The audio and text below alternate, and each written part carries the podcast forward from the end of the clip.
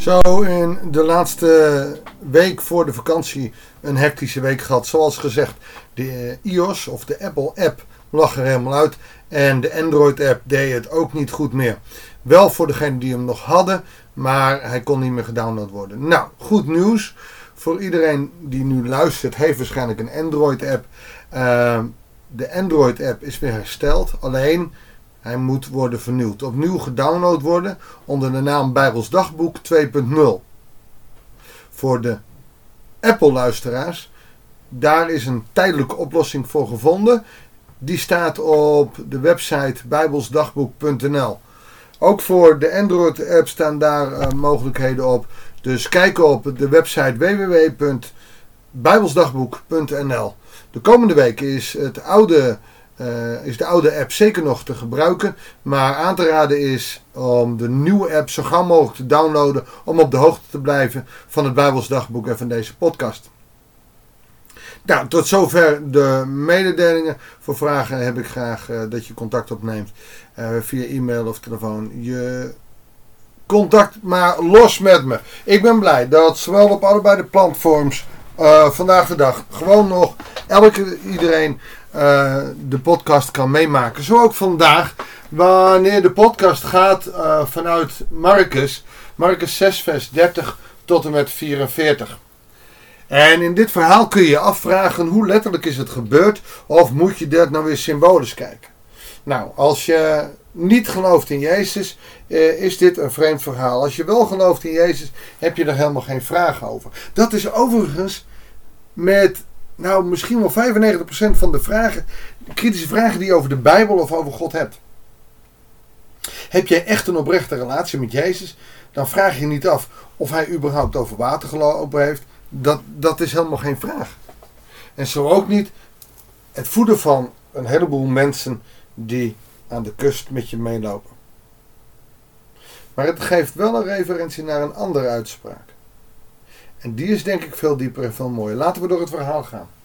De apostelen kwamen weer terug bij Jezus en vertelden hem alles over alles wat ze hadden gedaan. Ze zijn dus op stage geweest, ze zijn naar Dante geweest, moesten mensen genezen, moesten over God vertellen. En, uh, en komen weer terug bij Jezus. En Jezus zegt tegen hen: Ga mee naar een eenzame plaats om alleen te zijn. Weet je wat hij zegt? Kom, we gaan op vakantie. We hebben rust nodig.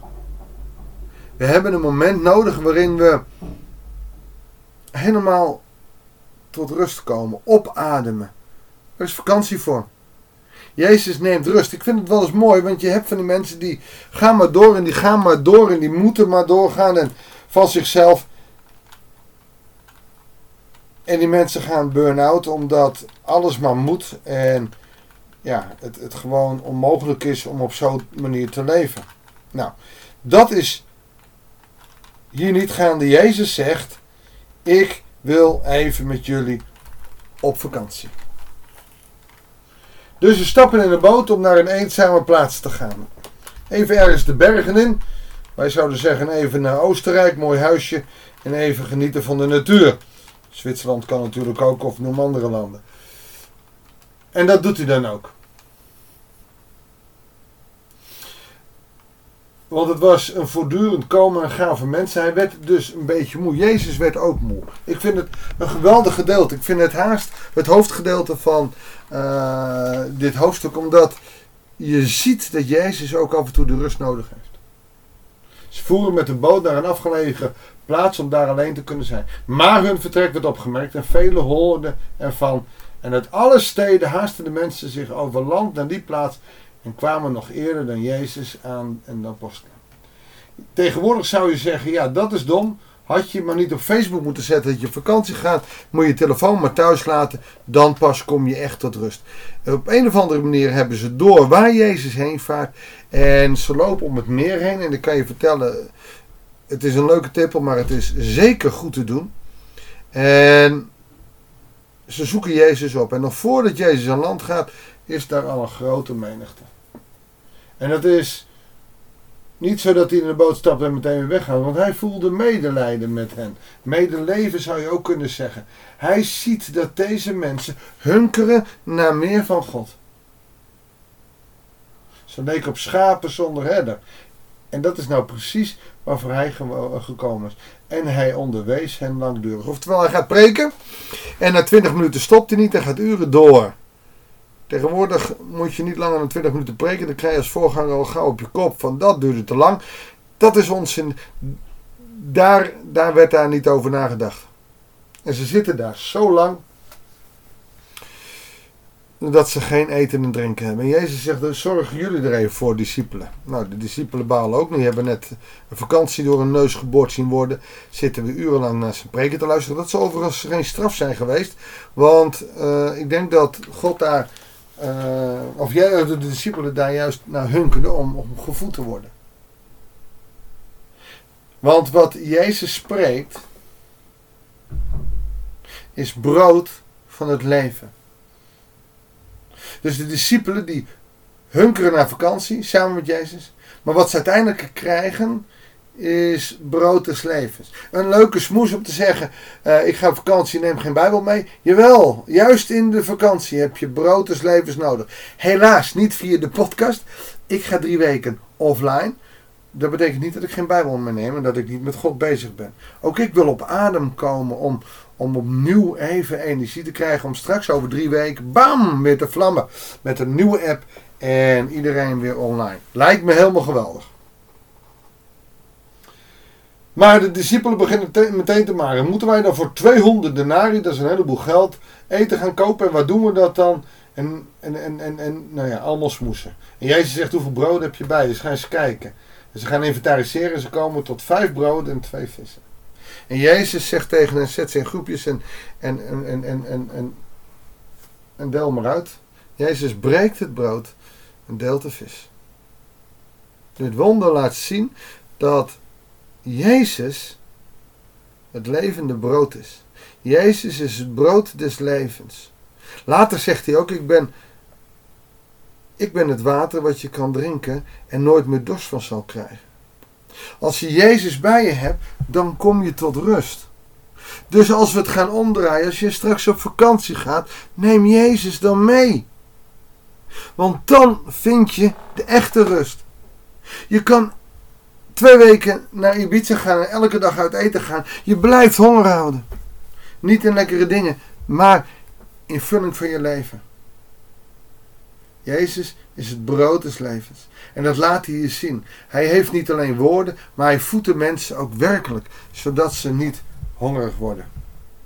En dat doet het evangelie. Als je ervan hoort, dan krijg je trek. Dan loopt het water als ware al door je mondhoek over je kin. Dan wil je weer meer weten. Je wil eten en drinken van het evangelie. Dat is ook de beste evangelisatie en zendingsdrang die je kan hebben. Om maar te delen van wat je hebt. Dat is ook de reden dat het mij ongelooflijk pijn deed dat die app gehackt was en dat de apps het niet meer deden. Waarop ik vandaag in een soort van paniek toch weer, en gelukkig dat die jongen die hem gemaakt heeft me weer geholpen heeft, maar toch weer bezig ben geweest de hele dag om, om die app maar weer draaiend te krijgen. En ik kan zelf niks en dat maakt me machteloos. En ik ben des te dankbaarder dat hij het weer doet. Zodat het evangelie, het brood des levens, door deze app ook gewoon de wereld in kan. En ik weet dat er gewoon heel veel mensen zijn die zo'n app per ongeluk downloaden en, en dan luisteren. Dat is de kracht van het brood des levens. Daarom ben ik zelf altijd al zo radicaal en schaam ik me er niet voor om de naam van Jezus te noemen. Dat ik zelf zonder Jezus niet kan en dat hardop ook weet te getuigen. Waarom? Omdat Hij het brood des levens is. Je kan je leven lang te goed gaan aan drie gangen menu. Maar als je Jezus niet hebt, ben je leeg van binnen en altijd hongerig naar iets wat je in je leven nodig hebt. Je kunt uren naar zijn preken luisteren, maar uiteindelijk moet je hem als het ware eten. Dat is een mooi voorbeeld daarvan natuurlijk in het avondmaal. Het gebroken brood. Weet je, als je dat deelt, als je daarvan eet, dan zul je geen honger meer krijgen. Dat betekent natuurlijk niet dat je dan de drie maaltijden gewoon moet overslaan. Want het gaat om geestelijke honger. Daar gaat het in het christelijk geloof over. Laten we danken en bidden. Heer God, allereerst wil ik u danken dat er weer iets van een app is. En dan is het nu misschien nog niet helemaal klaar en nog niet helemaal uh, Vrij, toch kan iedereen weer luisteren naar het evangelie. Zoals ik dat mag delen via mijn eh, stille tijd eh, op de website en in de app. Heere God, en ik droom natuurlijk van een officiële app. Ik hoorde vandaag dat dat 5 tot 10.000 euro moet kosten. Dat is wel een heleboel voor het evangelie.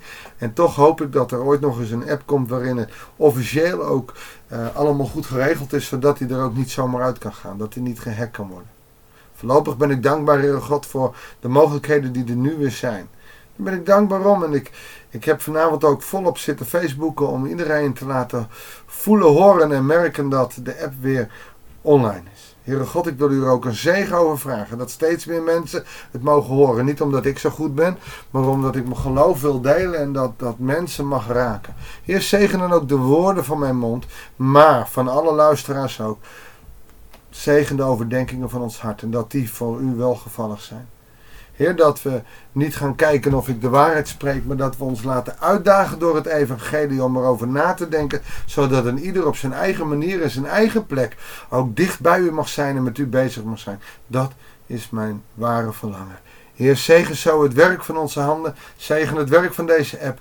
En als het niet goed is, Heer, dan merken we het ook en dan zal u daar ook een teken van geven. Maar voorlopig vraag ik of u het wil zegenen, dat het goed mag komen en dat we steeds meer en meer uh, mogen merken dat het evangelie aanlandt bij mensen om ons heen. Heer, help ons zo in onze drang om mensen nieuwsgierig te maken naar uw heilige evangelie, zodat ze hongeren en dorsten naar u. Heer, help ons maar om zo uw zendelingen te zijn. Heer, dat bidden wij en danken wij u in Jezus' naam. Amen. Dankjewel voor het luisteren. Ik wens je voor nu God zegen en graag tot de volgende uitzending van het Bijbels Dagboek.